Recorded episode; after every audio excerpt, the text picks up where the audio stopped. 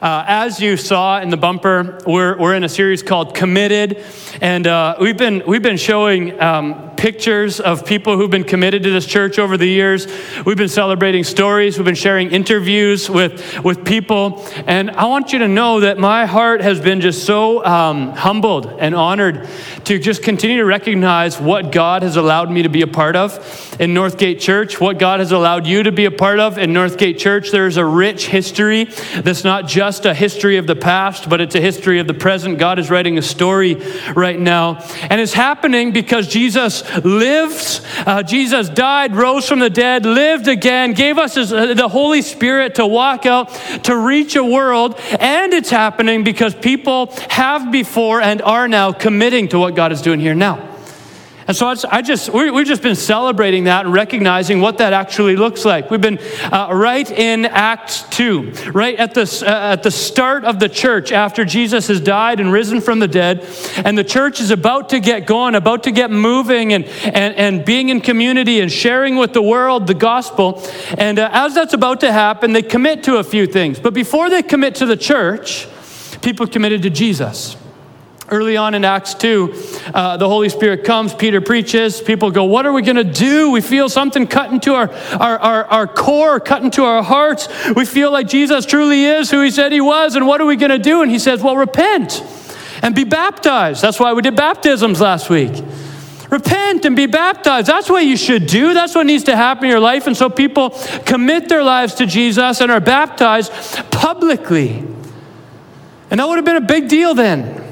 But they're baptized in front of everyone, and, and, and, thousands come to be part of the church right off the hop. In the second week of this committed series, we talked about what was the church, the, the, what, what came of it, what was the fruit, what happened, what, what, what did thriving look like in the church. And thriving looked like uh, uh, uh, signs and wonders all of a sudden started happening in the church, and lives started being changed, and there was influence in the city, and there was unity, and there was incredible generosity, and all of these things started started happening, not because people committed to generosity or signs and wonders or, or influence in the city, but because they committed to these four things previous to that. God poured that out, God built that church. He was developing it. We believe He wants to do that now in our midst as well. And then, and then last week, we started into what the four things were that the apostles devoted themselves to, what they were committed to at the beginning of the church. In Acts 2.42, it says, they devoted themselves to the apostles' teaching and to fellowship and to breaking of bread and to prayer.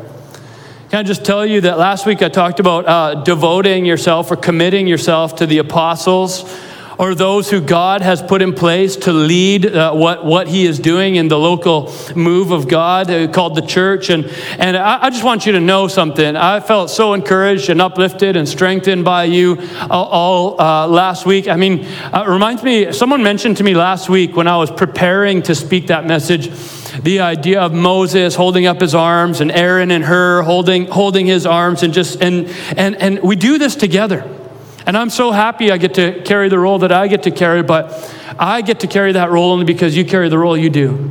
And so, uh, if there's anything great happening in this church, it's, it's great because Jesus did something first, and then he's doing something through all of us, and all of us are carrying our part. So, it, it's, it's good. It's good to be part of that. And thank you for committing to the apostles' teaching and to the work that God is doing through the leadership of this church. But this week, we're going to talk about fellowship.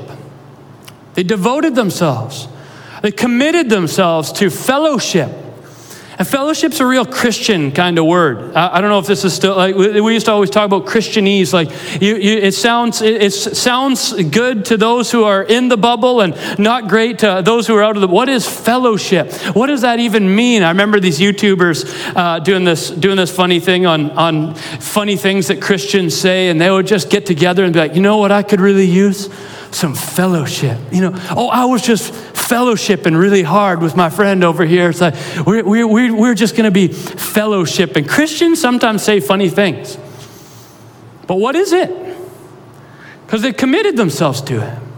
They believed that something was of value. They identified that fellowship was necessary for God to do what He was going to do in the local church. So, what was it? My, uh, my wife Kendall and I were watching a show a little while ago, It was like a doctor show. And uh, in that doctor show, um, they're always receiving new patients and, de- and dealing with stuff. And, and it's uh, less dramatic than some of the doctor shows. But, anyways, there's this one person who comes in and she's a police officer and she's been hit by a vehicle she comes into emergency and, they're, and they're, uh, she, she, she shows up and she shows up with her partner and her partner's like crying and frantic and, and he's a cop too of course and he's like try, trying to sort everything out. You got to take care of her. Fix her. Like he's, he's frantic in this moment. And they take her away. They move her somewhere else. And then he quickly turns to, to like this revenge mode and the person who hit the cop is also comes into the hospital and he's going to try to hurt this guy, all this stuff. He's trying to protect this girl. And then the police say, well, well I mean, the doctors say, now, now get ready because there's going to be a whole lot of cops that are about to show up in here. And so all of a sudden, there's all these police all through the space. And, and uh, they're like, this always happens when a police gets hurt or hit. They all come in. They're like, why does that happen? Like, well, because they, they want to know that they're going to be okay. They want to know that they're going to be treated right. They want to protect them. They want to fight for them. They want to advocate for them. And it was cool when I was watching that. I was like, whoa, that's pretty sweet. That's a pretty neat community that, that just because you're wearing the badge, I'm going to come in and I'm going to I'm going to advocate for you and I'm going to fight for you. And then all of a sudden, they start passing this bucket around. As they're passing the bucket, people are putting money in. Like, why are you doing that? Why are you putting all that money in? And, and, uh, and they're like, well, because she's going to have a long recovery. When she finally gets out of this, she's going to have a long recovery, and we want to pay for it. We, want, we don't want her to have to carry the weight of that. We want to lift her up. We want to support her. And, uh, and, and so this incredible, just like sacrificial love was happening. And I'm watching the show. It's just a show. Like, it's, it's just like, make believe. Hopefully, there's some truth to it, but something starts happening in my heart. Or I start seeing this, this, this woman who's, who's probably only known to most of these people just because of her badge, just because of, of, of what she wears, just because of the job she does. Probably there's not a friendship there. For most of them, they probably don't know her personally, but they're either taking off work or doing, maybe some of them are neglecting some of their responsibilities to the public in general because one of theirs is down and they're going to come in and they're going to check on her and they're going to pour their investment and their money in and make sure that this one is going to get lifted up. And one of the doctors comes to one of them at one point and says, Hey, hey why are you doing that? And this, this particular police officer says, Because we take care of our own.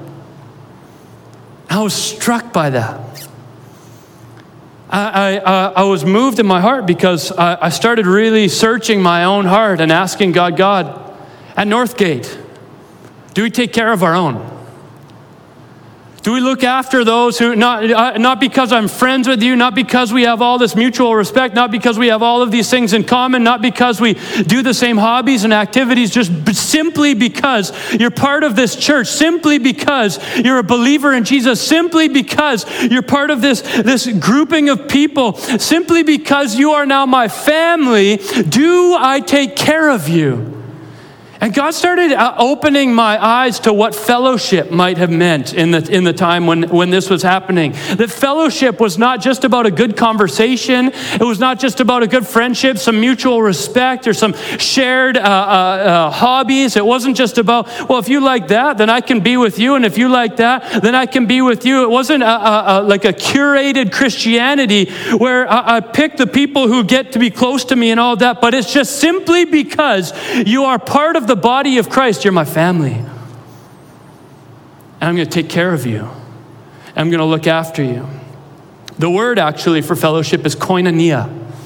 Koinonia, if you look through scripture, sometimes means things like spiritual, participatory, partnering, community. It has to do with relationship, it has to do with depth, it has to do with uh, uh, partnering with one another. But then I, I started doing a search through scripture and just discovering where else is that word used. And there's a spot that caught me. It's in Romans 15 26. And this is written by Paul. And Paul's writing to the Romans. And, and uh, Paul is this guy who was radically changed by Jesus. And, and, uh, and after that, he started sort of traveling around and sharing Jesus with many, many people. And, and he says this to them, and I'm going to explain the context of what had gone on. He says, For Macedonia and Achaia were pleased to make a contribution for the poor among the Lord's people in Jerusalem. The word in that statement that is, is koinonia is contribution. So Paul is, is now expressing that their contribution was koinonia. This, this isn't just a conversation, that their contribution to them. What, to who? The people that he was contributing towards were Jerusalem, people they've never met, the poor in a different city, a grouping outside. See, Paul had this vision, and that vision was that there were all these Jewish, uh, these, these guys who had Jewish heritage. They, they were in the right line to receive the inheritance of God. They were the right people. They had the right blood. They had the right experience. They said the right words. They did all the right things. And, and these were the, the Jews in Jerusalem. And when they became Christians, they knew, they knew, yeah, we were always inheritors of God's goodness. So, of course, we're going to receive that now. But then Paul started opening everyone's eyes and saying, no, no, it's not just for the Jews. Jesus actually wanted this for everyone. He wanted everyone to experience the goodness that, that he had. He wanted everyone to experience salvation. And so he started going to all of these other cities that had what they called Gentiles. And Gentiles were basically non Jews who shouldn't ever receive the promise based on the law and shouldn't ever receive the promise based on the good that they had done. But Paul was going and saying, no, they, they should receive it. And here's how he was going to show the Jews that. He was going to go into them and collect money. And when he would go to them and collect money, he was going to put together this offering and bring it back to Jerusalem. And he would go to the Jews there and say, Look at what the Christians all over the world are doing for this church. They're part of the family now. They're part of the move of God now. They're the believers in Jesus. They're the ones with us. And we, uh, we know that they have been moved by Jesus because they would actually contribute to the work of God here, to strangers that they don't know except that they're in the same family because they all believe in Jesus. I love that picture that Paul recognizes that if these people would contribute to these people, that affirms something in them that God must be moving in their midst. So, koinonia is not just friendship, it's contribution, it's active, it's, it's giving something out, it's taking part in, it's sharing of what we have. 2 Corinthians 9:13 says because of the service by which you have proved yourself others will praise God for the obedience that accompanies your confession of the gospel of Christ and for your generosity in sharing with. That's the word koinonia, sharing with them and everyone else. He says, everyone's going to hear the gospel. Why? Not just because you said it, but because you sacrificially shared with people who are not just your friends and not just the right people and not just the ones you had something in common with, uh, except that they are the family of God. They're the people who, who, who, who have chosen Jesus. And they've entered his family. And as soon as they entered his family, they became your responsibility, whether you like it or not. They became the ones you're going to look after and care for. Why? Because we take care of our own. Who are our own? Our own are the family that God has placed us together with. And those people are those who have cho- chosen Jesus Christ. That anyone who's part of the family of God is the responsibility of the family of God. That is fellowship. Fellowship's not a good conversation. It's people taking responsibility for those in their family and loving them and partnering with them and contributing towards them so that their spiritual and practical needs are growing and developing. That's fellowship. Imagine if people started coming to the church Imagine if a single mom who couldn't figure out childcare for years uh, and has, has felt like she had no ab- ability to have any friends or connections. Imagine she starts coming to the church, and because she comes to the church, all of a sudden someone who's not in the same stage of life as her and not and doesn't have a whole bunch of things in common with her says, I'd like to take your kids on a Friday night. In fact, I'll take your kids every Friday night. And all of a sudden she starts to have a social life and some friends and some alone time and some ability to do that. Why? Because she became the family of God God. Imagine the testimony she gets to share. I became part of the family of God, and all of a sudden I was just like looked after. They do this thing called Parents' Night Out, and I, I don't know. I, now I'm now I'm just looked after. Imagine someone who's, who starts going uh, to the church. They're part of the community of God, the family of God. And, and, and, and because they're part of the family of God, uh, they don't know this, but they, they, maybe they have a child. And, and when they have a child, all of a sudden meals start showing up at their door. And they say, Why are meals coming to my house? And we say, Because you're our family. This is fellowship. This is koinonia. This is us looking after the family of God. This is us caring for you in ways that we know that we can do it. Someone starts going to, to the church and, and uh, over time has some challenges in their marriage and, and all of a sudden starts getting phone calls from her new family, from his new family at the church. Who's this? This is your church. We're just operating in fellowship right now. Actually, we're committed to fellowship, not just for our closest buds, but for you. You're our family now. Can we call you every week? Imagine what starts to happen in the church when that takes place. So I hear a lot of people, uh, uh, especially in this time in COVID, a lot of people say, oh, Are you still part of the church? You connected. So a lot of people say, Oh, you know what? I, I already have all, all the friends I need. I already have all the people I need in my life. And, you know, we, we kind of, we're, we're kind of doing church. We are our church. And, and, and, and that feels okay for us. I, I want you to know that if your church is only built with the people that you love and love you and, and feels good and you have everything in common, that's not what the church is meant to be. The very initial part of the church, when it started, it started with 120 people and in one day turned to about 3,120 people. 3,000 people show up and 120 are like, What are we going to do here? I don't know. That person doesn't look like me. They don't act like me. They don't talk like me. They don't dress like me. I don't Why don't we just go our, do our 120 thing over here and those guys can figure it out with them? They've already got Jesus. They've already got the Holy Spirit. They don't need us. No, they said, We are going to be the ones who are going to take responsibility for the spiritual and practical needs of these people because the church is not about us having our little time of friendship and fellowship over here, though friendship is so important, but it's about people who know Jesus investing in those who are about to know Jesus and become part of the family. If we're going to be a church that grows, then the Christians need to take responsibility for the new family members, not responsibility for their own friend circles. Our friendship's important 100%, but it's not fellowship. Friendship might be a little piece of fellowship. Fellowship is about what I give so that the body of Christ, so that people who are very different than me, so a broad spectrum of brand, brand new saved people are discovering Jesus and growing in Him. It's easier to just love our friends. It's easier to have a little curated church that feels like, oh, these are all my favorite people and it feels so nice to be around. Much harder to invest and care for and pour money and time and, and, and meals into people that you don't actually have much in common with at all, except they're now your family because they've chosen Jesus. Matthew 5 43 to 47, Jesus says this You have heard it that, that it was said, Love your neighbor and hate your enemy. But I tell you, love your enemies and pray for those who persecute you, that you may be children of your Father in heaven. He causes his sun to rise on the evil and good and sends rain on the righteous and unrighteous. If you love those who love you, what reward will you get? Are not even the tax collectors doing that? And if you greet only your own people, come on, your own people. Isn't that a, the phrase that we use these days? These are my people.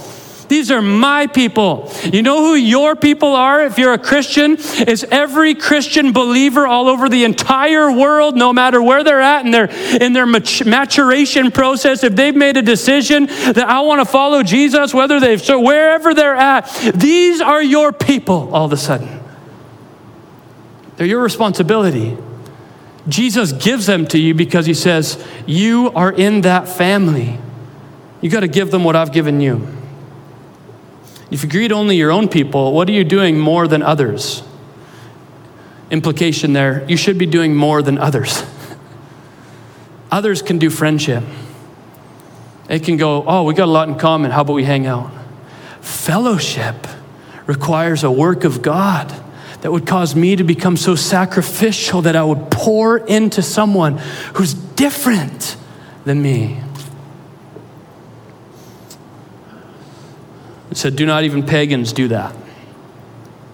If I was listening to this sermon right now, I would probably be saying what you're saying. I would be saying, So are we supposed to become so inward focused that we forget the whole world? And that, that, that, this whole week I've been wrestling with this idea of fellowship because I've been like, Lord, I, I've preached many sermons before and I will again of how important it is that the church is just thinking about what's outside of the walls of the church. That the church is considering all the people who are, are not yet saved, that don't yet know Jesus, who haven't expressed a faith yet in Jesus, that we're meant to be about those people. So, how are we going to be about those people if we're all about uh, just ourselves and what we're doing and, and, and where things are going with us? Worship team, you can come on up. But I started thinking about that a little bit more and considering that, praying about that. God, what, what would you have me say about that? I was remembering how many testimonies of people that I've heard who left the church not because the church wasn't, uh, the, the, the church in the culture was the issue, but the culture in the church was the issue. Who left the church because I, uh, I, I thought I'd be cared for in that moment and I wasn't.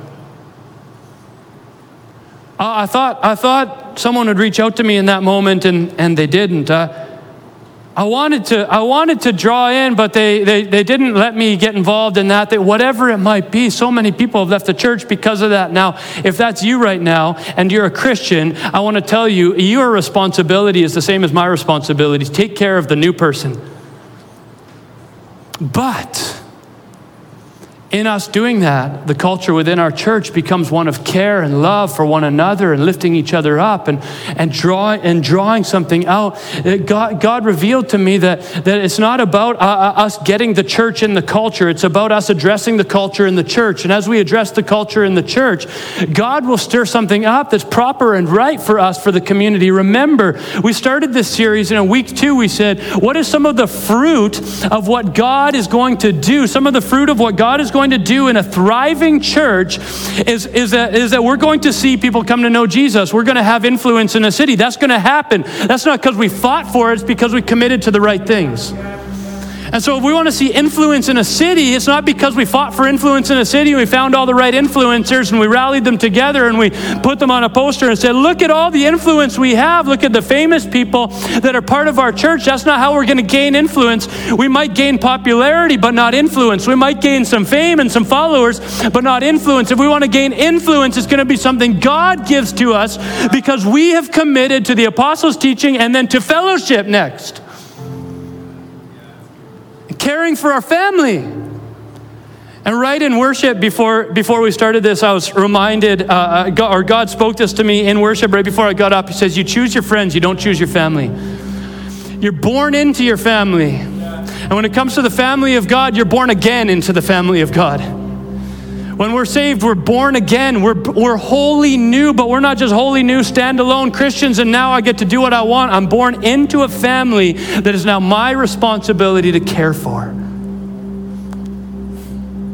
These are, these are who I have fellowship with. So people are going to say, wait, wait, wait, what about us? What about me? What if the culture in the church, in the church, was so good? That people just wanted to come and taste it and take part in it? What if the testimonies about the church where you got to be part of it. is when you're there, or you're cared for. When you're there, they seem to love you. When you're there, there's like there's like generosity. There's something. There's like meal trains that that happen, and people make food and stuff, and they give it out, and and they'll call you, and they'll check on you, and they'll make sure you're okay. And they've got small groups, and you can just jump in, and and you're in people's homes, and uh, uh, when we're out of COVID, and you're and you're you're you're meeting with people, and they're praying for you. I've been prayed for at that church. They seem to love me right from the get go. Why? Why? Because you're our family now. And if, if, if the church is functioning that way, the world is going to look and say, Whoa, I kind of like that.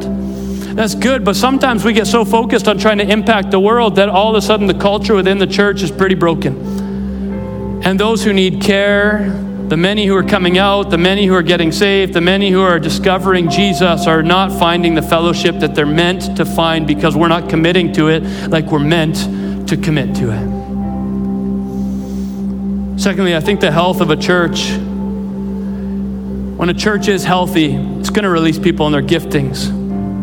People are going to find their fellowship in the community of the church, and then they're going to go and they're going to do what they're meant to do. They're going to preach. They're going to, there's going to be entrepreneurs. There's going to be missionaries. They're going to go and they're going to share Jesus in creative and amazing ways because they've got this family. They're coming from a healthy family.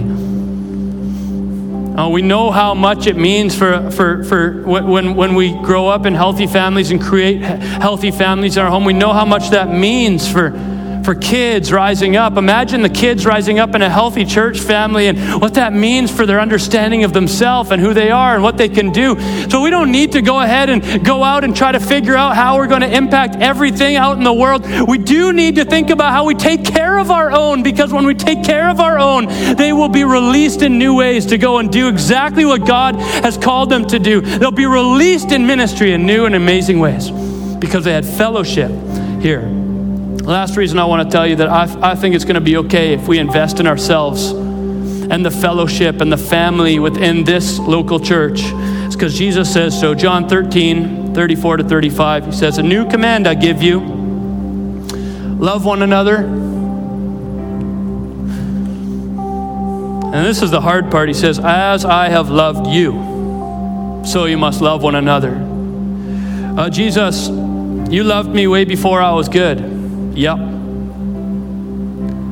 Jesus, you loved me when I rejected you. Yeah.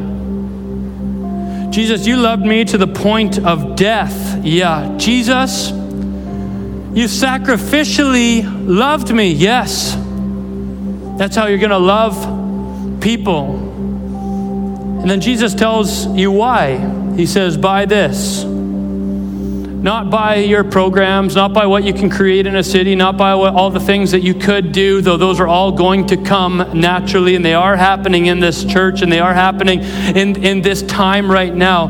Not by all of those things, but by our love for each other. Everyone will know that you are my disciples if you love one another.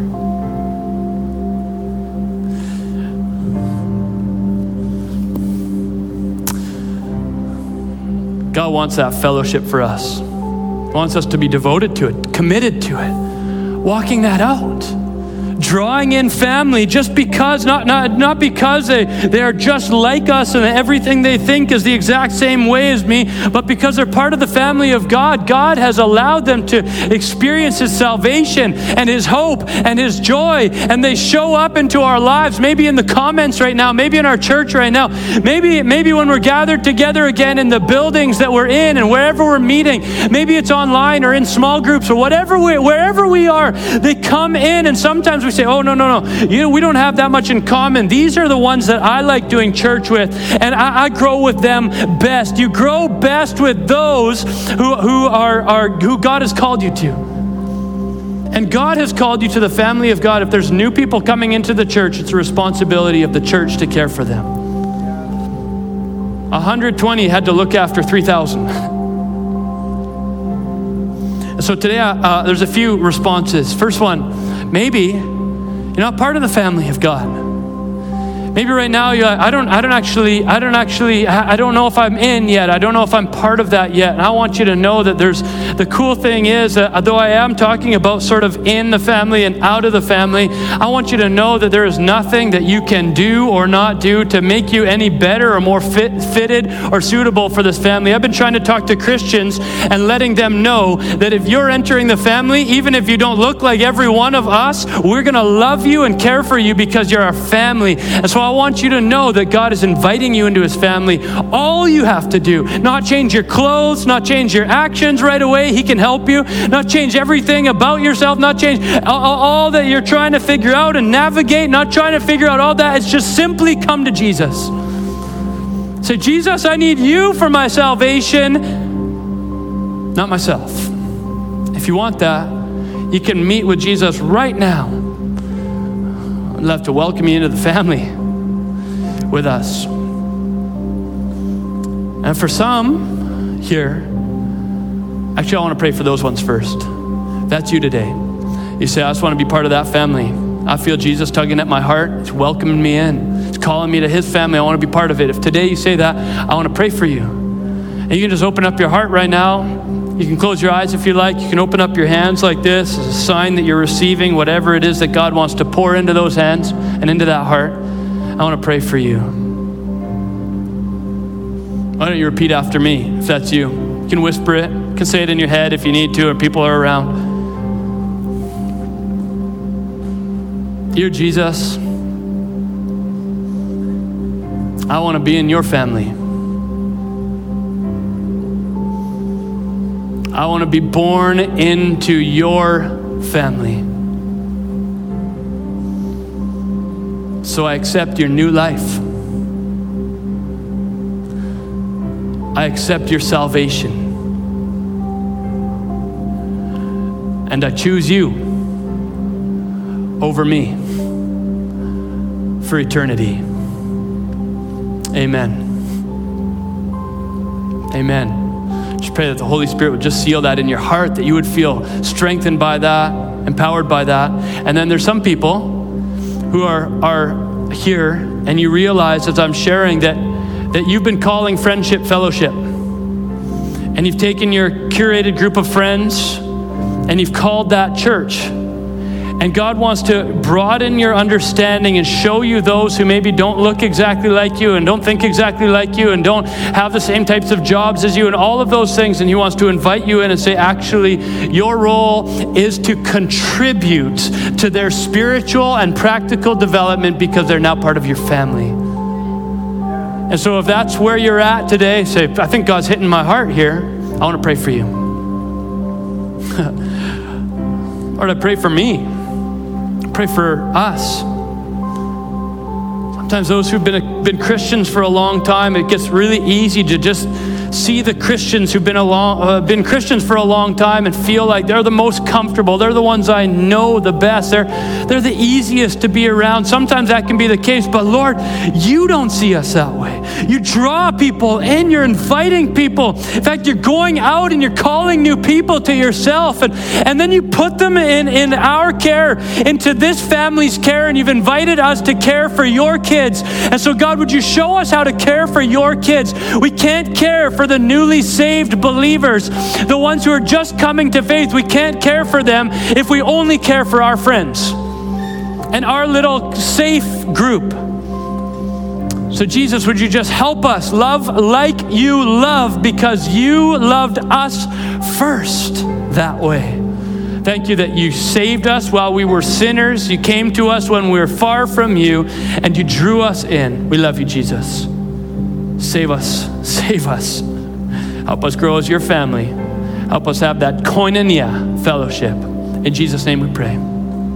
Amen.